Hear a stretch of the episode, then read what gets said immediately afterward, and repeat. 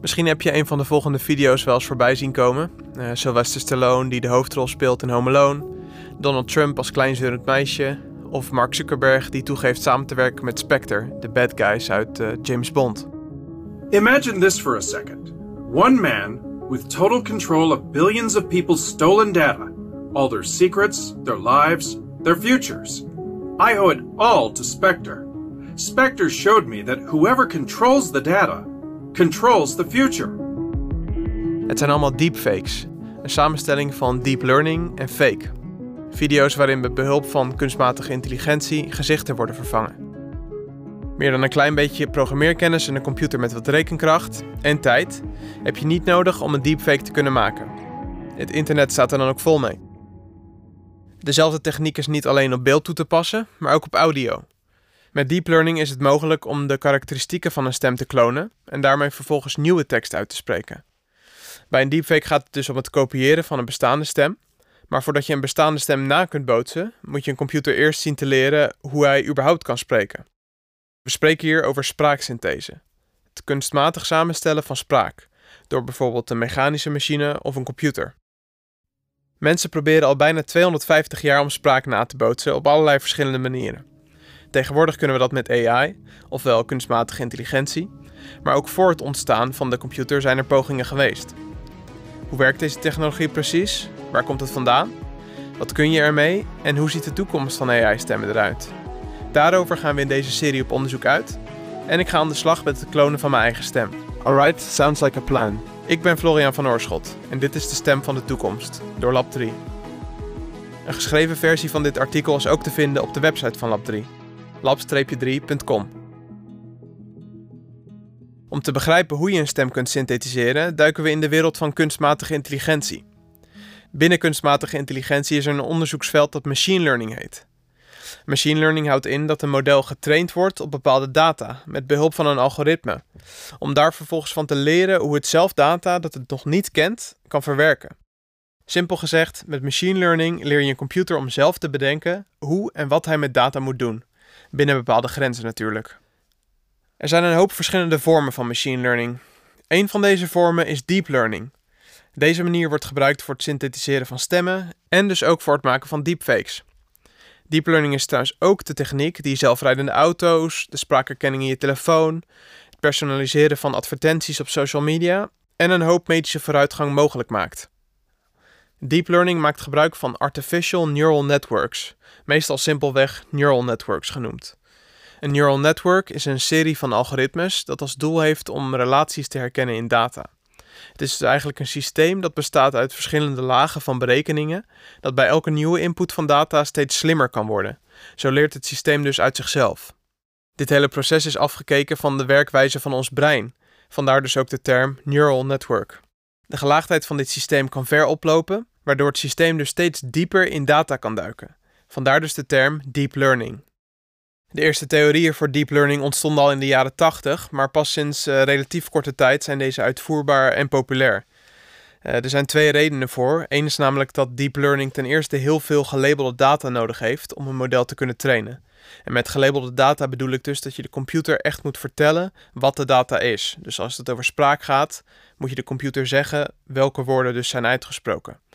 Voor het ontwikkelen van spraakherkenning zijn er bijvoorbeeld wel honderden uren aan audio nodig, met de daarbij behorende tekst. Tegenwoordig is al die data opslaan op een harde schijf prima te doen, maar in de jaren 80 was dat een heel ander verhaal, omdat harde schijven toen veel duurder waren. Daarnaast heb je voor deep learning heel veel rekenkracht nodig, wat in de jaren 80 nog niet heel erg beschikbaar was. Met name GPU's, ofwel grafische processors, zijn erg geschikt voor deep learning, omdat ze heel efficiënt parallele processen kunnen uitvoeren, dus veel berekeningen tegelijkertijd. En de ontwikkeling van deze GPU's is pas onlangs ver genoeg om op grote schaal serieus met deep learning aan de slag te kunnen. Het wil echter niet zeggen dat mensen niet al langer bezig zijn met het synthetiseren van spraak. Want al in 1769 ontwikkelde Wolfgang van Kempelen een met de hand bediende spraakmachine. Wolfgang had ook een andere uitvinding, namelijk een automatische schaakmachine. Eh, deze schaakmachine was heel populair en ging de hele wereld over, maar later vonden mensen dit toch iets minder interessant omdat deze machine nep bleek te zijn. Er zat gewoon een mannetje onderin die de schaakmachine bediende.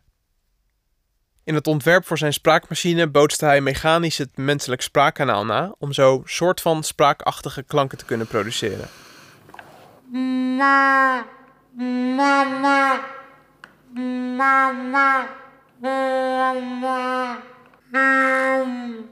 Natuurlijkheid en verstaanbaarheid zijn nog ver te zoeken, maar het begin is in ieder geval gemaakt. De eerste elektrische spraaksynthesizer, de Voder, werd in 1939 gepresenteerd op de New York World's Fair. De Voder werkte op basis van een gegenereerd signaal, een ruisje of een aantal sinustonen, dat met filters werd bewerkt om als een stem te laten klinken. The machine uses only two sounds produced electrically. One of these represents the breath. The other, the vibration of the vocal cords. There are no phonograph records or anything of that sort. Only electrical circuits such as are used in telephone practice.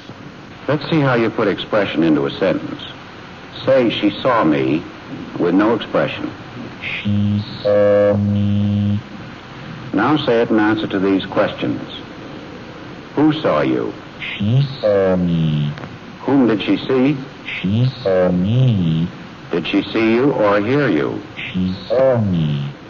Het bedienen van de machine ging met een voetpedaal en een toetsenbord dat met tien vingers bediend moest worden. Niet bepaald de meest gebruiksvriendelijke synthesizer. Je moest echt leren om deze synthesizer te kunnen bedienen.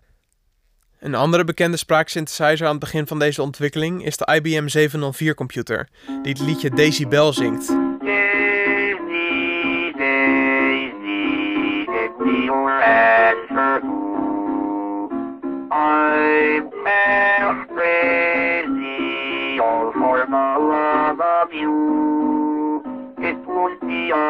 I